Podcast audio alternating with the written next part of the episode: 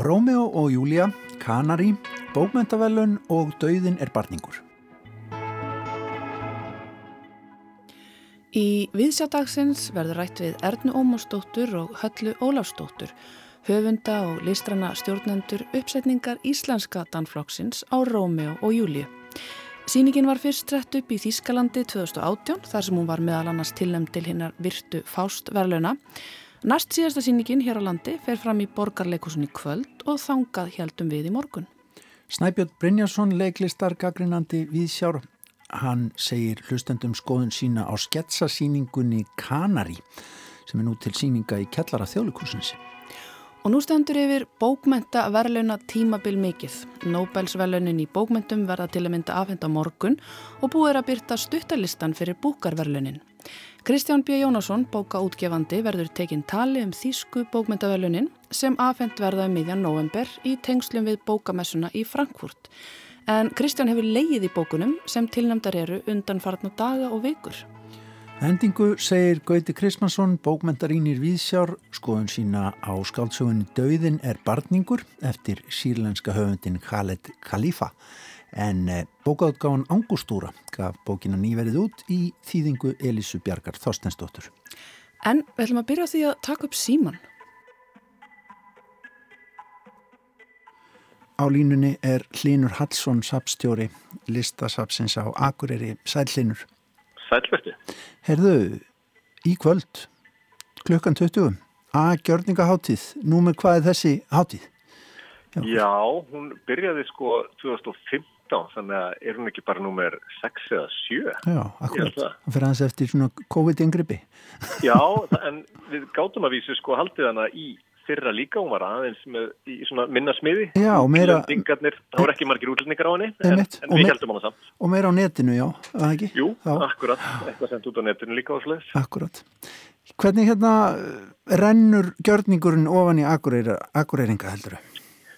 Bara dalti vel. Það, það eru, eins og við vitum í gjörninga, það er, er ekki ekki sko vinsöðustalistgreinin þannig að, að hérna fjöldatakmarkanir uh, henda vel fyrir, fyrir svona gjörningaháttið en, en uh, akureyringar og nærsveita menn og jáfnvel einhverju frá höfuborgarsæðinu hafa bara verið dugleg við að koma norður og, og hérna og mæta á alls konar gjörninga. Mm -hmm.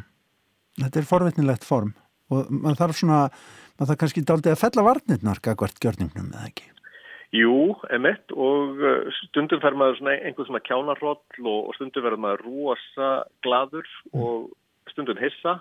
Maður veit ekki alltaf á hverju maður á von. Um, þessi listamenn eru ódreiknanleir og maður er pínu sem áhórandi er maður pínu berskjaldaður stundum. Ég, ég hef alveg talað við fólk sko, sem er rætt við að mæta á gjörninga því að það heldur að það þurfa að taka þátt í einhverju. Mm. en það er nú yfirleitt ekki þannig. Yfirleitt er þetta eh, sjálf, listamenn sjálfur um að um að fremja gjörningana. Mm -hmm. Ég er hérna skoðið háku dagskrána og hér er nú líklega þekktasti gjörningalistamaður landsins Snorri Ásmundsson ansi ábúa fullur á mynd, svona kynningamenn sem fylgir hátíðinni. Já, hann er mjög alvarlegur á þessari mynd, það er alveg tekundi það og Snorri verður með okkur í gegnum netið að þessu sinni, hann er alveg stattur í Svíþjóð mm.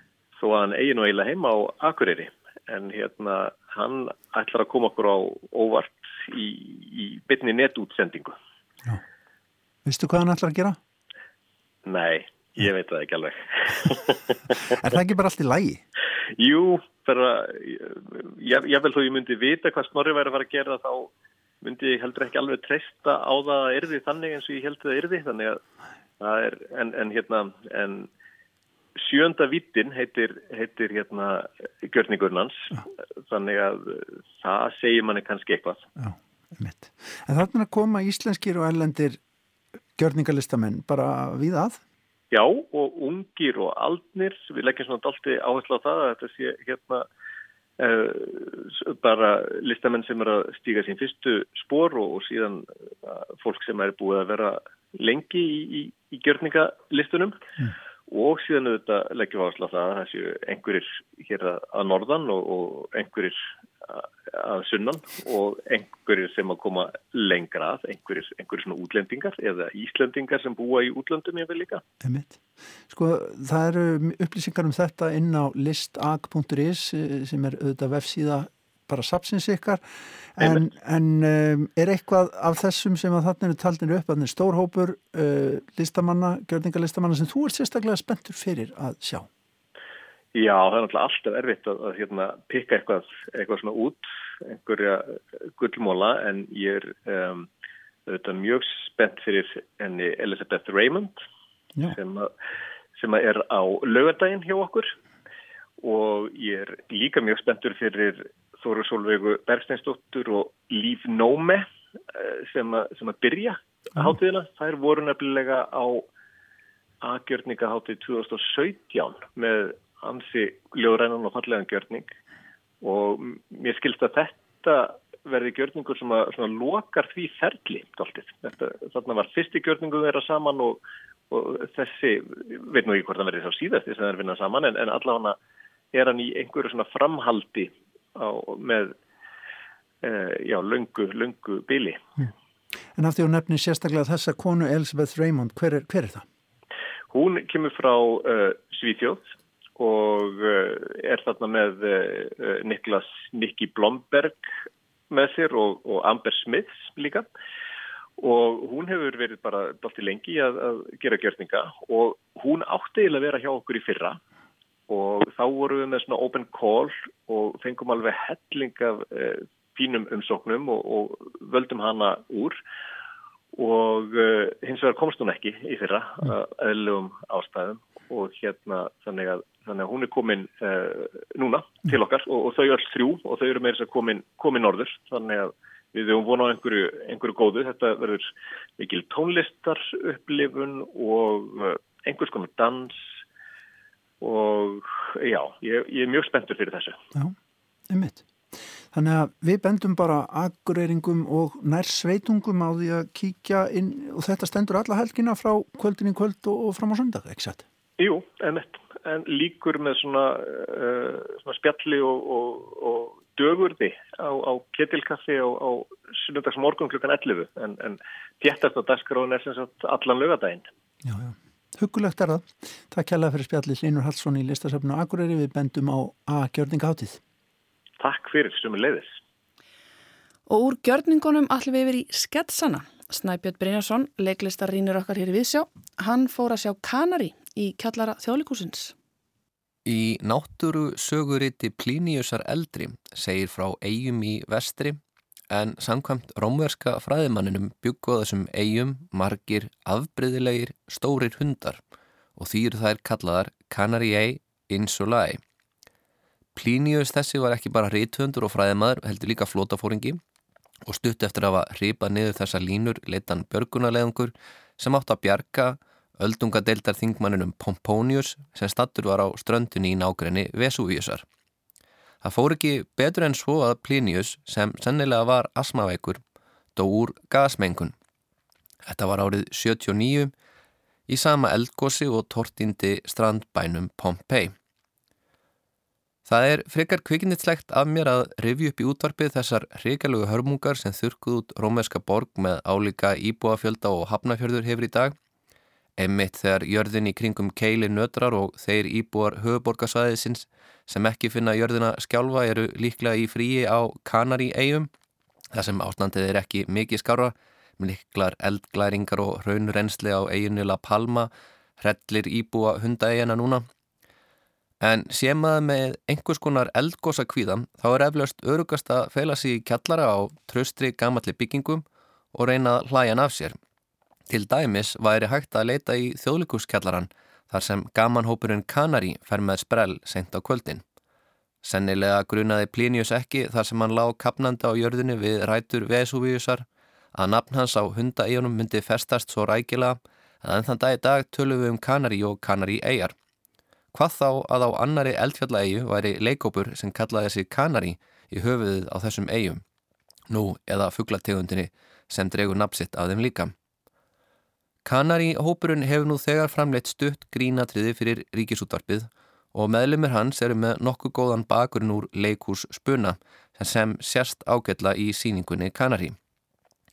Það eru þau Máni Arnarsson, Steinei Skúladóttir, Pálmi Freyr Högson og Eigló Hilmarsdóttir sem er á sviði en ekki má gleima leggstjóranum Guðmundi Felixinni sem einni er mjög virkur í improv senunni. Þjóðleikús kjallarinn er ekki þægilegt rými til að setja upp hefðbundnar leiksýningar en hefur gengið í endunni lífdaga eftir að Magnús Geir tók við sem leikúrstjóri og bólusetningum lög. Hann hefur sjaldan verið eins vel nýttur og nú með einleikjum á borði góðan daginn faggi, hátegisleikúsi á daginn og sketsasýningum eins og kanari á kvöldin. Sýningar í þjóðleikúskjallarunum hafa því sjálfnast mikla sviðsmynd. En í uppafi sýningar blasti við á þröngu sviðinu undir rauðu exi bláleitur fallus sem reyndist vera úr því sem ég síndist vera fröðplast. Þegar sýningin hóst reyndist hægt að taka þessa auka súlu í sundur og nota til að búa til borð, stóla og annan búnað sem leikarar þurftum. Þessi sviðsmynd var nokkuð skondin og fjölhæf og sama má segjum pastlega hallarislega búningana en heiðurinn af þeim og fallustnum á Kristinn Arnar Sigurðsson. Það er alltaf snúið að segja frá gríni ef þú krefur frosk til merkjar munan ekki lifa af og það sama gildur um brandara. Í lýsingu á síðu þjóðleikhúsins segir að Kanari sé sketsasýning og frammyndan því ekki heilstift heldur stuttar sögur af fjölbreyttu fólki í allskins aðstæðum. Ekkert samingi og, og engin bóðskapur, bara 70 mínútna hlátuskast. Þessi lýsing kljómar ágætlega en er þó ekki alveg rétt. Sýningin samanstendur vissulega af 31 grínþætti, einu aðtriði með klarinetti og 64 ólíkum personum sem ekki alla ná að tengjast En þó tekst Guðmundi að ræða þessu upp þannig að manni líðun eins og verkið sé bæði vel uppbyggt og hafi skýra heldarmynd. Flestir sketsana snúast um þrá og personan sem drýfur áfram framunduna í gríni á yfirleitt í miklum erfileikum eða tjá duldar væntingar sínar eða missir tökina þeim. Gott dæmi um það fyrrnemda er swingersketsin sem snýst um swingara sem veit ekki alveg hvernig þeir eiga að feta sig í makaskiptum, geta ekki komið í orð hvað þau ætlast til af öðrum og vit ekki sín eigin mörg. Gott dæmum hið síðanemda væri hins vegar sketsin um vísindamannin sem finnur upp hinn að fullkomnu konu sem er ómótstæðileg fyrir kallmenn en mögulega það fullkominni að engin kallmaður verðskuldar hana. Dágóðu gríni er beintað kynja hlutverkum, samfélagsmiðlum. Pálmi Freyr fer á kostum þegar hann segir dæmisögur millir atriða og lýsir þá yfirleitt feðgum á ferðalagi en í þeim ferðalögum er sonurinn yðurlega á valdi einhvers konar lífslosta og í síðustu sögunum bókstaflega heltekinn af þessum losta. Eins og áður saði væri það að krifja brandaran einungist til að drepa hann. Það er sennilega ástæða þess að Aristoteles skrifaði heila bók um hvernig harmleikir ætti að vera uppbyggðir en leta vera að greina gamanleikina til fulls, mögulega vegna þess að eftir slíkan lestur væri bókstaflega ekkert fyndið lengur. Eitt af þeim atriðum sem tengir verkið saman og nær besta kjarnar baróttu mannsins við væntingar sínar og þrár er skipulaða eftirpartíð. Allir sem hafa farið í eftirpartíð vita að þau eru yfirleitt algjört kás og mikil vonbriði og vonlaust að skipulegja þau, en það leysist sketsin upp í því að personur ná korki að fullnæja sjálfum sér nýja öðrum þrátt fyrir að vera öll af vilja gerð. Leikararnir á sviðinu eru öll mjög finna týpur Máni er sérstaklega kostulugu með sitt þykka svarta yfirvaraskegg. Fyndnasta atvið kvöldsins var samt að mínu mati þegar Steinei skúladóttir barðist við að halda sér frá því að hlæja og gata ekki, en það er ekkert skemmtilegar en að sjá góð mérstök. Þau eru öll nokkuð færi grínleikarar og grínið yfirleitt nokkuð gott, en þó nokkrir sketsana eru full langir og halda áfram þóður séu löngu búnir. Aðrir eru eilitið fyrirsjánleir. En láti þó ekki þessar aðtöðasendir koma að sög, Kanari er frábær kvöldskendun og vonandi framleiði þessi hópur meira efni, fleiri síningar, fleiri grínþætti fyrir sjónvarp og heldur áfram að starfa í mörg ár. Saði Snæbjörn Brynjarsson um Kanari í Kjallara þjóðleikúsins. Dagar bókmentavelununa, þeir bara voma yfir okkur þess að dana. Nóbesvelunin verða aðfenda morgun í bókmentum í Stokkólmi og það er búið að byrta stuttalistan í búkarvelunum í Breitlandi og eh, já, 18. oktober næstkomandi þá verður tilkynnt um hver hlítur þýsku bókmyndavelunin og Það er verið að byrta langhunda mikla í grein í, í blöðum út um allan heim um þetta allt saman og um uh, menningapólitíkina að baki og það smittast líka inn á Facebook. Hingað komin maður sem hefur verið að skrifa um Þísku bókmyndavelunin, Kristján B. Jónasson, velkomin í Víðsjá. Takkilega. Sko, ég ætla að fá þig aðeins til að spá fyrir um Nobelin hérna í lokin, en, en bara svona til gamas. En segð okkur aðeins frá, þú hefur verið að skrifa mikið um Þísku bókmyndavelunin og við erum aðeins að bara velta okkur fyrir, fyrir, veltaði fyrir okkur hvernig eru þessi velun byggðu upp til dæmis. Þetta er ansi stór velun á rísastóru bókmynda málsvæði, ekki satt? Jú, þetta eru svona stærstu bókmyndavelun Þýskalands. Þetta reyndar ekki í peningum talið. Það eru til velun sem menn fá meira í velunna fjö, þar að segja. Og, hérna, en þetta eru svona þrjár, tæpar fjóra miljónir, eitthvað svo leiðis, í íslenskum krónum sem menn fá í peningavelun. Og reyndar fá þeir sem eru sko á stutlistanum, þeir fá líka smá í sinn hlut mm -hmm. þannig að þetta er nú svona þannig séð uh, og þessi tíska bókmyndakerfi byggist mjög mikið upp á bókmyndavelun mm. það er ekki endilega svona starfslunarkerfi eins og á Norðurlöndum og því er mjög mikil fjöld í bókmyndaveluna þannig að hver einasti svona stærri bær og mjög mikið alls konar menningarstofnunum uh, og svo sjálf sambandslýðutin líka eru með bókmyndavelun, mjög mörg sem og í Austuríki líka fjöldis líkra veluna. Ekki veluna fargan? Já, þetta er svolítið veluna fargan sko, maður sér oft svona þegar höfundar er fjallum okkurna höfunda þá er þetta þegar að fengi þess að þessir velun þá kannski getur verið upp í 20, 20 velun sko, mm. en þá verður það að hafa í huga sko að þessi velun eru tæki til þess að, koma að segja setja fíja inn í, í, í bransan raunlega en tísku bókmyndavelun eru til til að ung velun svona miða við þessi gonkúrvelun í Fraklandi því að þjóðverðar horfðu til þeirra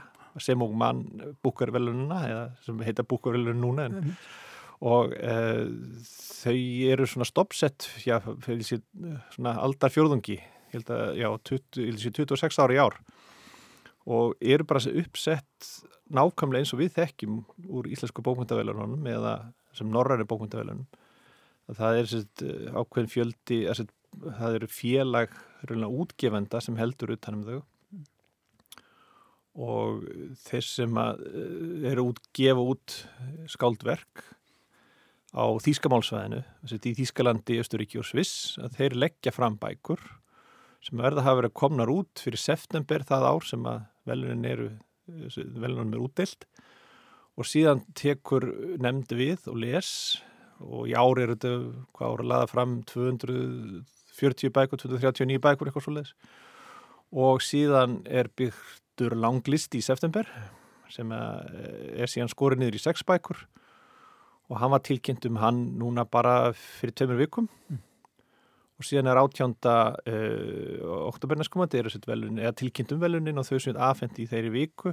Þetta er svona velunin er afhengt samhliða uh, bókamessun í Frankfurt. Já sem er bara meðstöðin í Já, það er svona bara eðlilegt þá er, er beinast aðtegli almennings og fjölmila að bókmyndum mm -hmm. og hérna þá er eðlilegt að, hérna, að menn velji þann tíma þannig að uh, núna hafa sitt, já, menn hafa fengið þessi velun, þetta hafa verið rekin eins og voruð komast í núna í aldarfjörðung og og það komin talsverð hefð á þau og hugsunin að baki þeim var náttúrulega kannski í þessari verðlauna súpu að taka sko einn stór verðlaun og segja þetta er verðlauninn og, og þannig að það væri það almenningu tæki sannlega eftir eh, verðlauna hafanum og, og verkinu sem hún líka svona haldt í kóru hugsa til útlutnings líka. Mm. þetta væri þá eitthvað sem að fólk utan tíska málsvæði sem geti hort til og sagt já það, þessi fekk þá verðlaunin og það er nú kannski ekki alveg gengið eftir uh, þannig séð, það er svona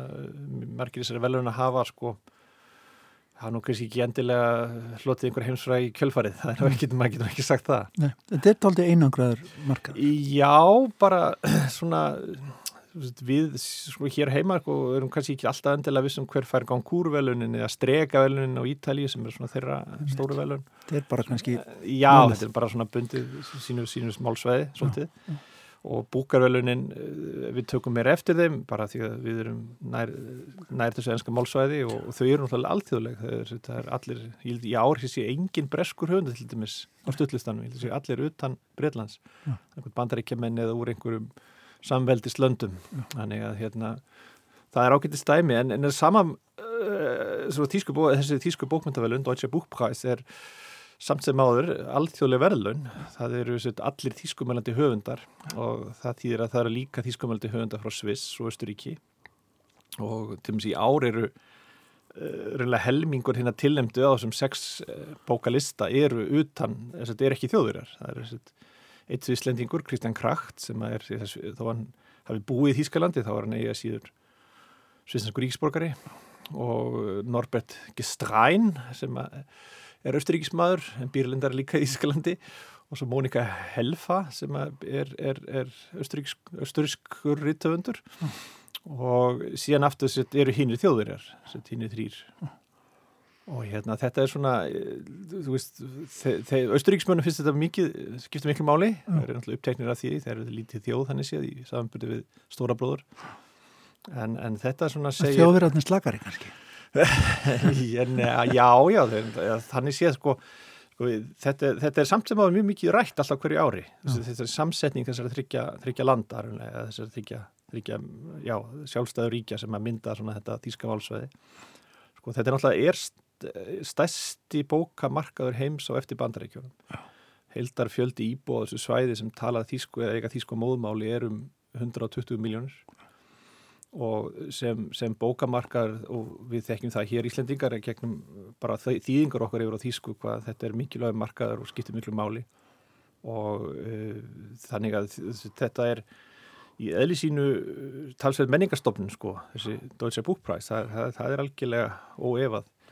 En uh, ástæðan fyrir ég hef verið að fjalla um þetta en nú ekki verið síst svo að svona já, bara svona einmitt að segja frá þessu, þetta er aðeins einangrað já, það er alveg rétt. Ég held sem að nefnir þessa höfunda og fæstir þekkja þá sko. Uh, reyndar eru þeir til í þýðingum, ennskum þýðingum oft en alls ekki allir og ekki alls ekki öll verk þeirra. En er mikið tekist á um svona lista þegar hann er byrtur fyrir rest, það er að segja hvort hans er rétt samsettur eða endurspegli nú vel. Það er, það er auðvitað hver einasta ári og það er líka svolítið með það að höfundarnir sjálfur hafa verið sem er hverju mjög umdeldir, sem eru tilnemdir og ég tek dæmi af höfundi sem ég sjálfur hef lesið rúlega frá upphafið sem voruð segjast, það er bara, já, þetta er ekki vel, Kristján nafnum minn Krakt ja sem að uh, er hver einasta bók sem hann gefur út er svona, það verða alltaf gríðarlega deilur um þær mm. á ímsum ástæðum ekki alltaf sum ástæðum uh, þeimist bókina sem er tilumd í ár uh, Euro Trash eins og hún heitir á þýsku hún er til mis þykir mörgum bara alls ekki dega heima þarna. Og það er mjög, mjög margi sem er á því að þetta sé algjörlega fráranlegt að tilumna þessa bók eða komin þetta langt inn í inn í þessu ferli vegna þess að hún standist ekki bókmyndarlegar kröfur. Og e, meðan þess að aðrir á þessum lista eins og töndur sem heitir Antje Ravik Strúbel sem er frá Östu Þísklandi eða frá Potsdam uppálega það er allir sammáli með um hún eigi að vera tilnæmt en, en það er vegna þess að bókmyndaskilningur flestra þeir sem fjallum bókmyndir í Þýskaland er stóru blöðunum til dæmis að er, gengur hún svolítið mikið út á bara svona stíl að stílinn skiptir mjög miklu máli með mm. skrifi uh, bókmenta hvað maður segja, tungumáli málið á bókonum sé kannski það sem sé helsta kriterían eða helsta viðmið þegar, menn, þegar menn hérna, velja bækur til veluna Og þarf að vera meitlað Já og svona bara Strúbel er alltaf hrósað fyrir hvað hún hefur skrifið sko, svona ljóðurend mál og hvað hún hérna stílinn sé svona nákvæmur, hvað hún hafi mikla svona sálfræðilegt innsæi líka. Og hún alltaf er kvenriðtöfundur og þessi bók sem er tilnemt hérna Bláa konan, Bláa frá hún er uh, fjallarbeilinni svona um, hvað maður segja, erfitt efni um svona kynferðisofbeldi og og svona burðast með það ekki um lífið mm. líka og já, þannig þetta er svona aktuelt efni líka. En er, er, eru bækurnar meira og meina þannig það er að segja að það er, já, talaðir inn í samtíman með, með svona já, það, ákveðnum hætti? Þetta er, er efni sem er, er svolítið rætt í sambandi við velunni, já. Uh, mönnum finnst svona allavega síðast til setni árum að það skiptir máli að bækuna gera það. Og ég vekk aðteglu til þessi tveimur árum þá fekk Sasja Stanic sem kom hérna á bókmyndahátið nú um daginn fyrir bóksinu Uppbrunni sem var nú þýtt á íslensku sem fjallar um, segja, um hans eigin æfi í raunulega um, um, um upplifun hans af átökunum balkanska. Mm -hmm. og þá fannst fólki þetta skipta mjög miklu máli. Og það voru allir sammálum það að það var í gott að hann fengi velunni að hann var í verðugur velunni að hafi ekki bara út frá bókmentalugum sjónamið heldur líka þessu þetta væri svona tema sem gripin í samtíman og, og ætti að ræða mm. og þetta var, gerðist náttúrulega á samu tíma og Peter Hanke fekk Nóbesölunin mm. sem hafa síðan leiðið að hálsi fyrir að hafa dreyið taum serba í þessum átökum og hérna þá já, þótti þetta að vera já, grípa inn í þá umræði sem væri upp í, í bara í þessum löndum, bara já. í samtímanum. En skiljanleira, það fengið. Já, einmitt, og, og þótti þá vera svona mótvægi við kannski sem þótti hægri, já, frekar svona undarlegar undarlegar upp og komur í sambandi við Peter Hanke og, og, og Serbíu, já Petur Hanken náttúrulega fær nóbisölun í hérna, þegar þau koma tilbaka eftir þetta helvítið svesin allt saman. Þau föru nú ekkit nánar í það núna. Bókmynda áhuga fólk búa að fylgjast vel með því en þau verða aðfenda morgun. Já. heldur þú að nóbelin sé að ná vopnum sínum eða er það ofsnemt? Mm, ég sko Svo núna er þetta skorðið þannig að það er alveg sama hver fær Nobelin. Það er alltaf sagt sko, já það, þeir eru að lautóna Nobelin vegna þess að það er verið að reyna að slétti yfir allt rugglið. Þannig ég held að skipta yngum máli hver, hver fær þetta, þannig séð. Uh, þetta kom nú öllum óvart í fyrra þegar Louis Glugg fekk hérna veluninn. Þó að þeir sem hafa haft nesasjón af samtíma ljóðlist sko hafi nú alltaf þekkt hann að rödd og, og við vita af henni og þekkt verkanar einhverjum marki en, en uh, hérna ég, maður sér það er allir að velta þessum vennilegum nöfnum fyrir sér sko Þetta með óska velun að hafa? Nei, ég er ekki með óska velun að hafa Ég hef að reynda að benda fólki að það sko svona í gegnum árin og, og ég ætla að gera það enn hér að það er mjög sko, e, e, það er einhvern svona grundvallat viðmið sem maður verður alltaf að hafa í huga þegar maður hugsaður um hver fær Nóbelsölunni það Nóbelsnefndin er mjög upp, svolítið bundin að því hvað er þýtt á sænsku. Já. og ef höfundur er, er, er rótfastur svona kannski í sænsku menningarlífi og hefur verið þýttur á sænsku skipulega og, og hefur komið oft í svíþjóðar þá aukast líkunan á það að hann fóði Nóbelsölunni mjög mikið. Er þetta ekkit búin að sjá út hver þetta verður í ár? Nei, ég, sko ég, ég, ég skjótt á eitna ég sé að hérna menn hafa verið að spá rúmenskum rittöfundi, mér sé að hvað er Kautar Sesku hérna um, að hann fái, fái velunin mm. ég eh, held að það verður nú ekki. Ég er mjög vissum að það verður einhver utan Evrópu og utan Bandaríkjana og Norður-Ameríku. Ég er nokkuð sannferður um það. Ég held að það sé bara svona svolítið komið að því Skulum sjá hvað gerist á morgun. Takk kærlega fyrir að koma í vísjá og segja okkur frá Þýsku bókmyndavelunum. Kristján B. Jónasson. Takk. Já, greinlega nógum að vera í bókmyndunum og svo eru tónleikar í sjónvarpinu kvöld, ekki satt guðinni? Jú, heldur betur. Eh, það eru sjónvarstónleikar hjá Symfóni hljómsveit Íslands í beitni útsendingu úr Hörpu. Hljómsveitastjóri í kvöld er Eva Ollekainen og einleikarar Stefan Jón Bernhardsson og Ásta Dóra Finnsdóttir. Stefan ætlar að leika hotkoncert eftir Ríkard Strauss en eh, Ástadóra sem er nú bara 14 ára hún ætlar að leika einleik í pianokonsisti nr. 2 eftir Sjostakovits. Við eigum hljóriðun með Ástadóru sem við gerðum fyrir áramótin síðustu. Þar leik hún Rachmaninoff eh, tilbreyði við stef eftir Corelli. Við skulum heyra bara hvernig hún leik stefið í verkinu. Þetta er eiginlega dásanlegt og var frábæla velhæfnins upptaka.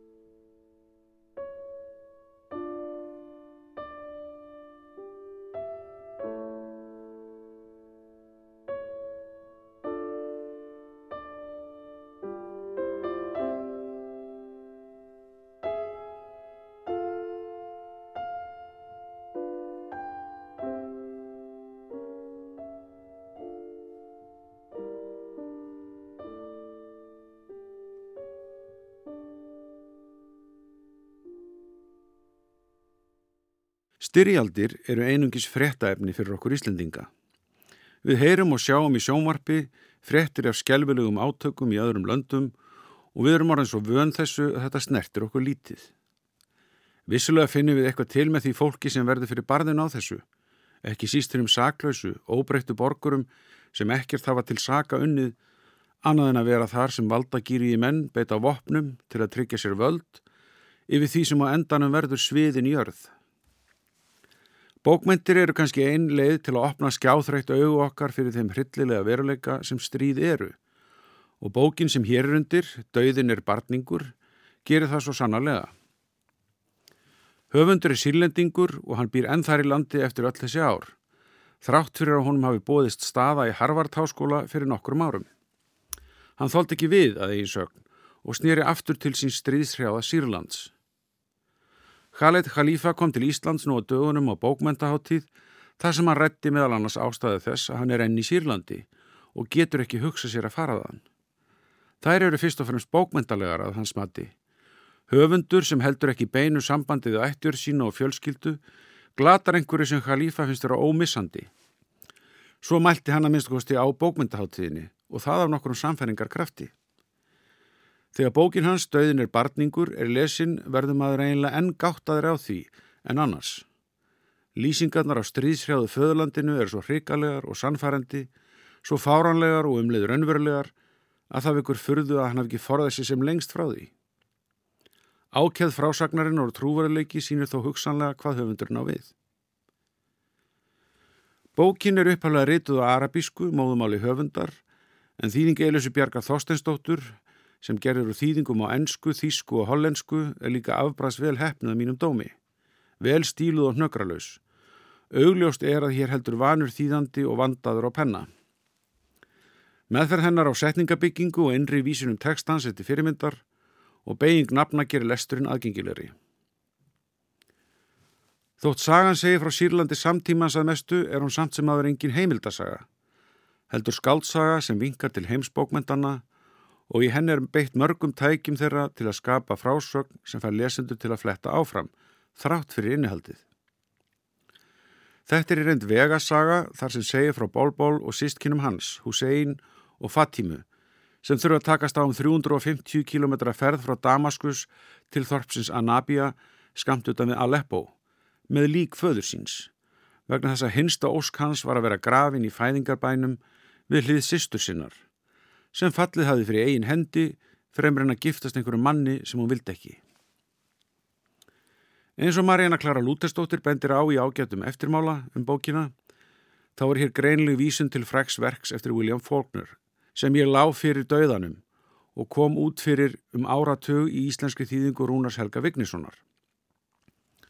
Frásagnarhátturinn er talsveit öðruvísi hér, Faulkner lit hverja persóna hafa sína kabla og tala fyrir sig og hóf þannig heldina saman úr þessum frásagnar þráðum. Saga Khalifas er í þriðju personu og skiptist í þrjáhluta, en þó má vel greina að skiptir um sjónarhótt með umfjöllun um nokkra aðalpersonuna og nokkra aukapersonuna einnig. Þótt auðin er barningu sér vegasaga er hún full af personusköpun og einnig kynnustu Sýrlandi nútímans og Sýrlandi fyrir áratuga svona meðfram. Þetta er eins verið engi þjóðasaga, við kynnumst þessu í gegnum persónurnar og reynslu þeirra frá fyrir tíð og Sýrlandi samtímans kynnumst við í gegnum barningin við að koma líki föðurins í áfangastað í landi þar sem stríð geysar og menn vita oft ekki hver er gegn hverjum og öfugt og venjan er að skjóta fyrst og spyrja svo eða pinta fyrst og skjóta svo. Hryllingur stríðsins verður ljóslifandi í þessari frásögn þar sem sagt er nánast þurrlega frá því hvernig aðstæður eru víða í landinu. Einni hvaða kraftar eru á bakvið átökin og síðast en ekki síst fáránleika aðstænana þar sem sístkinin er að ferðast með hratt úlnandi líkið af föðurnum um land þar sem líkin liggi eins og hráfið um allar jarðir og eru jettin af hundum og öðrum skeppnum. Líkið af föðurnum er meiri sem handtekið á einum tímapunkti, líkast til að því að maðurinn hefur gefið skráður látin. Þetta er ekki eina kafkæska atriði þessari sögu, hún er í sjálfur sér kafkæsk, veruleikin er svo fáránlegur að hann augrar mannlegri skynsemi, en þó er þetta allt einhvern veginn trúverdugt og sannfærandi. Personusköpunin er síðan mótvægi sem fær lesandan í gegnum allan hryllingin.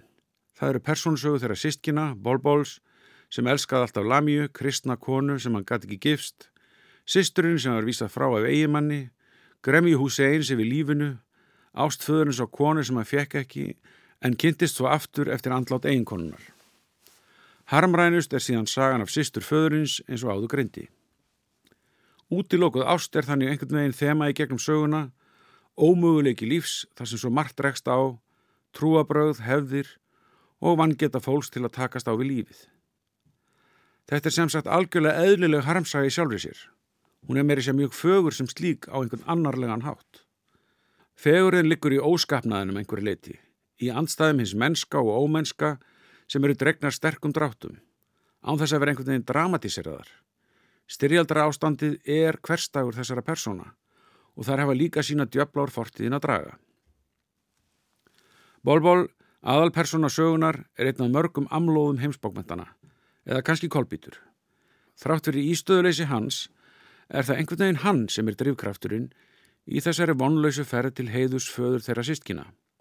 Ferð sem er einhvern veginn eins og síðasta uppsteitt mennskunar í veröld sem er gjörsamlega og lægi gengin og líf og dauði eru fullkomin aukaadriði tilverunar. Lífið og vítils virði til þess að hafa einhver tilgang, einhverja reist. En þrátt fyrir allt segir þessi saga okkur að hálmstrá vonarinnar og lífsins sé einhvers virði. Og þetta var vitanlega okkar eigin Gauti Krismansson, bókmyndarínir sem að fjallaði þarna um skáldsöguna Dauðinir barningur eftir Khaled Khalifa sem nýverið kom út hjá Angústúrum bókafólagi og það var Elisabjörg Þorsteinsdóttir sem að þýtti hana. En eftir þetta þá leikur leiðin niður í borgarleikus.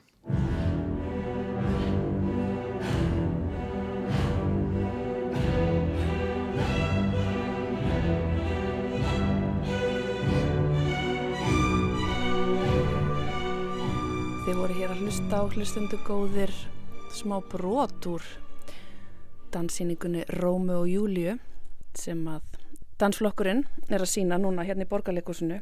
Ég er enda stödd í borgarleikusinu. Sitt hérna á kaffestofunni með þeim Höllu Ólafsdóttur og Ernu Ómarsdóttur höfundum Rómu og Júliu og það er alltaf svona aðeins að segja mig frá því hvernig þetta ferðalega hófst og svona samtalenu þeirra á milli. Ekki satt, stelpur?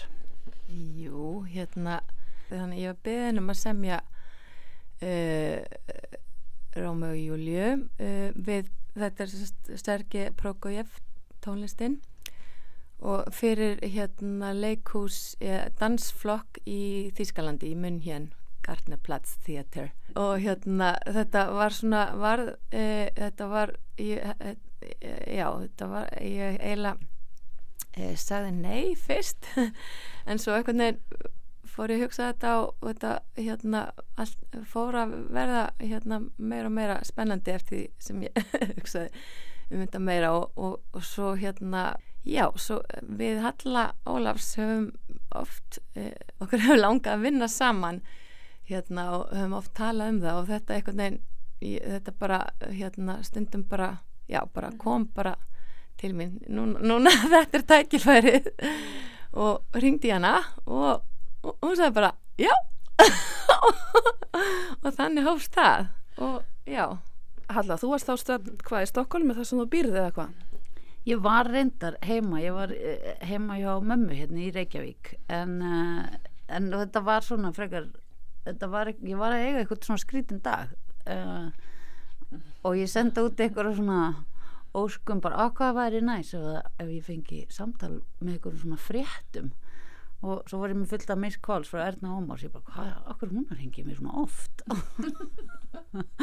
En nú þegar hún svona e, útskýrði það, fyrst byrjar hún að útskýra já, já, ég hérna, var beðin um að gera Rómi og Júliu munn sín, ég bara, ok okkur, okkur hún har hengið mér að segja mér þetta, en allavega hana þá endan hún segja, já, var spóið viltu gera það með mér? Og ég sagði, já, já já, mátt alveg hugsa það, nei, ég þarf ekki að hugsa það. Gerum þetta. Og það voru skólið 20 dansar og symfóniuljósi þannig að þetta var alltaf svona stórt verkefni. Við höfum ekkert eins og ofti er ekkert of mikinn tíma þannig að við bara svona heldum okkur í djúbulauina ákvaðum sko frá byrjun að því að við höfum sko við, alveg, við höfum alveg þekst þarna í ykkur tíma. Svona oft hýst líka bara oft í útlöndum á alls síning og eitthvað uh, ég sá Ernu fyrst á sviði þegar ég var að læra í Stokkólmi og fannst þetta bara ég bara var, ok, ekki bara, hún er ekki bara íslensk og er að dansa, voru ekkert margir kannski, svona ekki alþjóða vettvangi og, en bara eh, það er hægt að gera þetta svona all right, þannig að það var, ég bankaði upp á, á búnisklefanum og hérna og hæ, ég er íslendingur.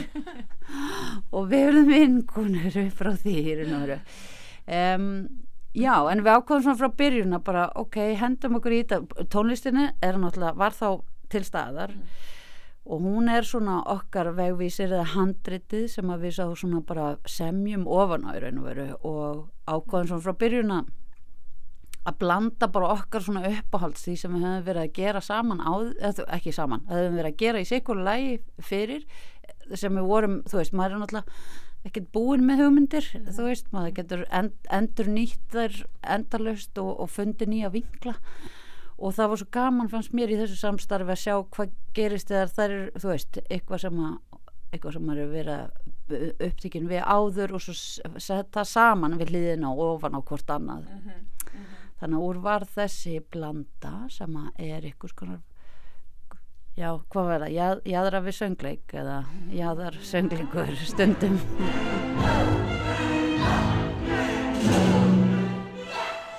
Það svona, það er margt samægilegt eh, eh, já og svo annað sem er, er ólíkt og, og það er hérna, já, það, þetta búið að vera bara ótrúlega fallegt og lærdomsríkt og alveg oft erfitt samstarf en bara, já, eitthvað bara sem ég er alveg óendalega þakklátt fyrir. Ég er alveg að fara að skæla. Halla, er þess að hægt að sjá ykkar begja höfundarenginni sterku í þessari síningu?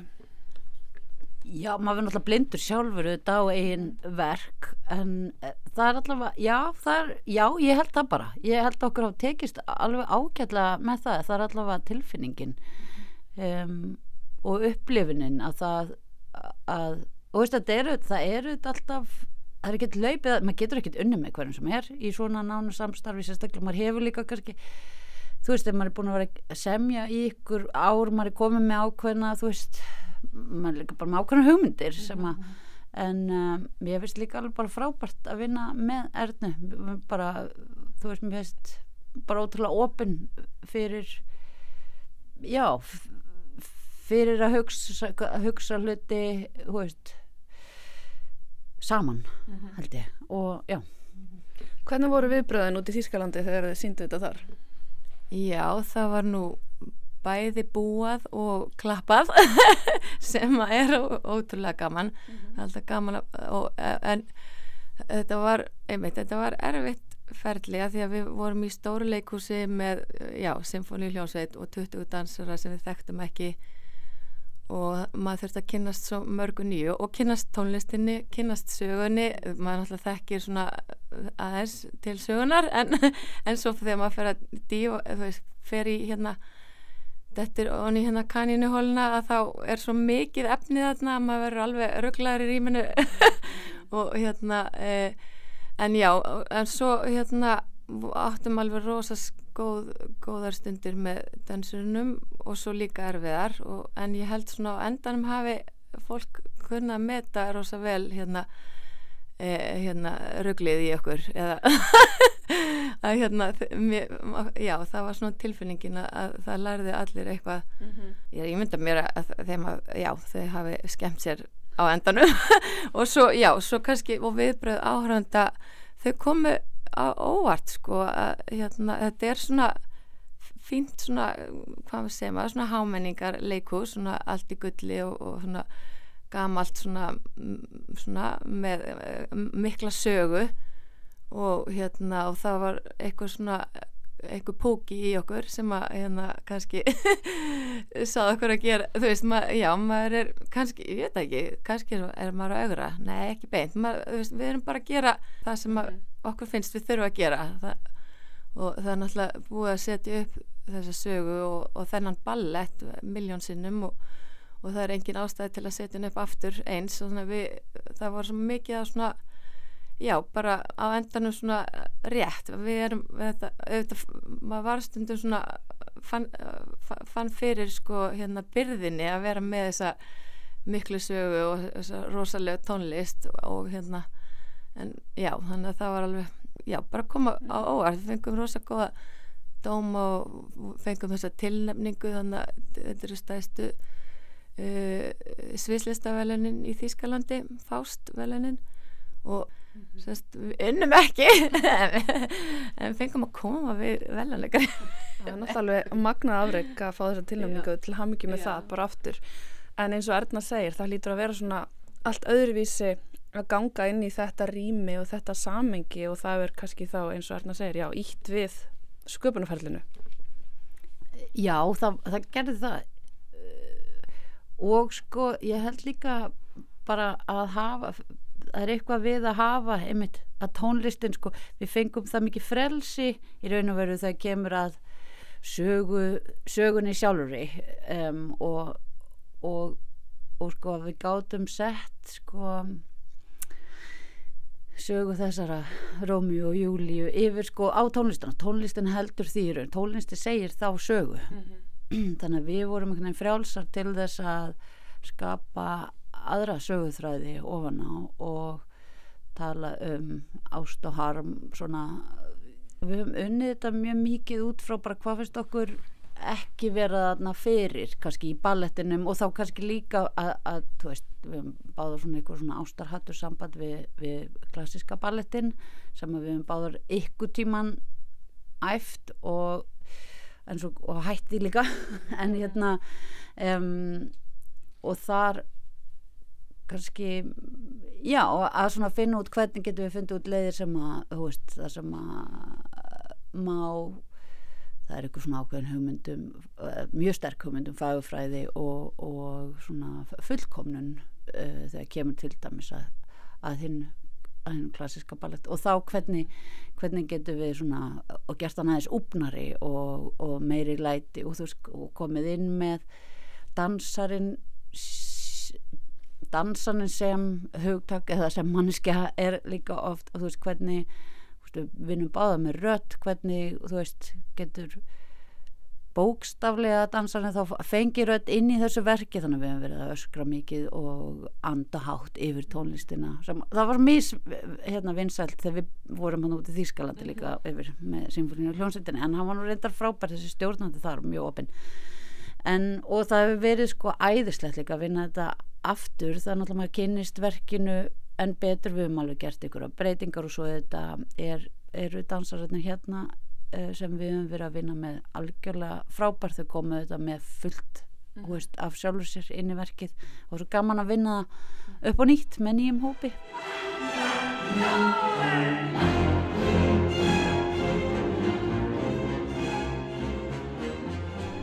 Hérna síðustu vikur eru búin að vera dásamlegar og ótrúlega gaman að sjá þetta loksins hérna já, verða til og komast á svið og við erum náttúrulega búin að vera í COVID að hérna byrja nokkur sinnum. Og þannig að við unnum sem atriðin í rauninu með hérna þessum reglum og, og úr varð alveg það, það er alveg í hérna í, í DNA verksins bæði í hvernig hérna koreografían er unnin og sumt bara sem að helst og sumt fekk bara aðra merkingu eins, eins og bara snertingin og, og hérna já, kossin og hérna já, ástardansin við, við fórum út í skó og dansum við tré og hérna veist, fundum aðra leiðir til að svona á meðan við máttum ekki vera í snertingunni. Þannig að það, það er alveg búið að vera þetta er búið að vera mjög erfitt en rosalega lær, lærdomsríkt og bara alveg ótrúlega frábært að sjá. Já ég held sko við auðvum alveg líka rugglegar í rýminu á einhverjum tíma á einhverjum tímabila því að maður var alltaf að reyna að finna nýja leiður og hérna og stundum og ég held á endanum er margt af því sem að ég, þú veist, við vorum alveg bara hvað við að gera á einhverju tímapunkti? En mikið af þessu er í síningunni að einhvern veginn er, er þessi tími hérna, uh, já, þú veist kannski maður er að reyna alltaf að horfa á jákvæða hliðarnar, það, það er einhver fegur sem að, og eitthvað líka bara sem að kann svo vel að meta núna að hérna, já, maður er svo ótrúlega gladur að, að, að fá að fá að hérna skapa og sína sjá þau, þau eru bara þau eru rockstjörnur sko þessi dansarar, það er bara maður bara hlær og skælir og, og hérna fer alveg með þeim í ferðalag, þau, þau eiga þetta svo, þau er alveg Já, ég hef heyrt að síningi sé algjör rússipannareið tilfinningarlega. Ég get ekki beðið eftir að sjá hann í kvöld, það er næst síðasta síning. Þannig að við hvetjum auðvitað hlustendur bara til að drífa sig í leikús. Östut að lókum eh, halla eftir alla þessa vinnu, mann finnst eiginlega synd hvað það eru fáar síningar, eh, munið fara eitthvað að ferðast með þetta?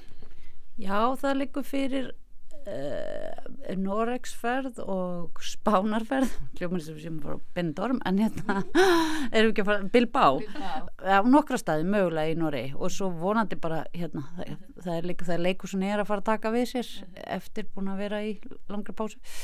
Um, Já og svo verður bætu við mjög líklega, erum við að finna tíma til að vonandi verða fleiri aukasýningar einn hérna á Íslandi fyrir. Ekki alveg lofaði en þannig að það er betra að fólk drýfi sig núna. Það er, aldrei, það er ekkert að lofa neinu í þessu árferði hérna núna. Takk innilega Erna og Halla fyrir spjallið og bara tói tói í kvöld. Fyrir, takk fyrir, góð skemmtur.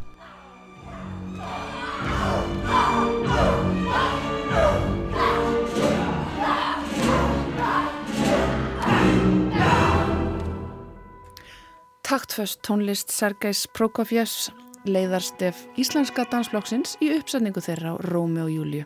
Áhuga samir geta hann allt sér en þá í miða í kvöld eða á síðustu síninguna sem framfer 17. oktober.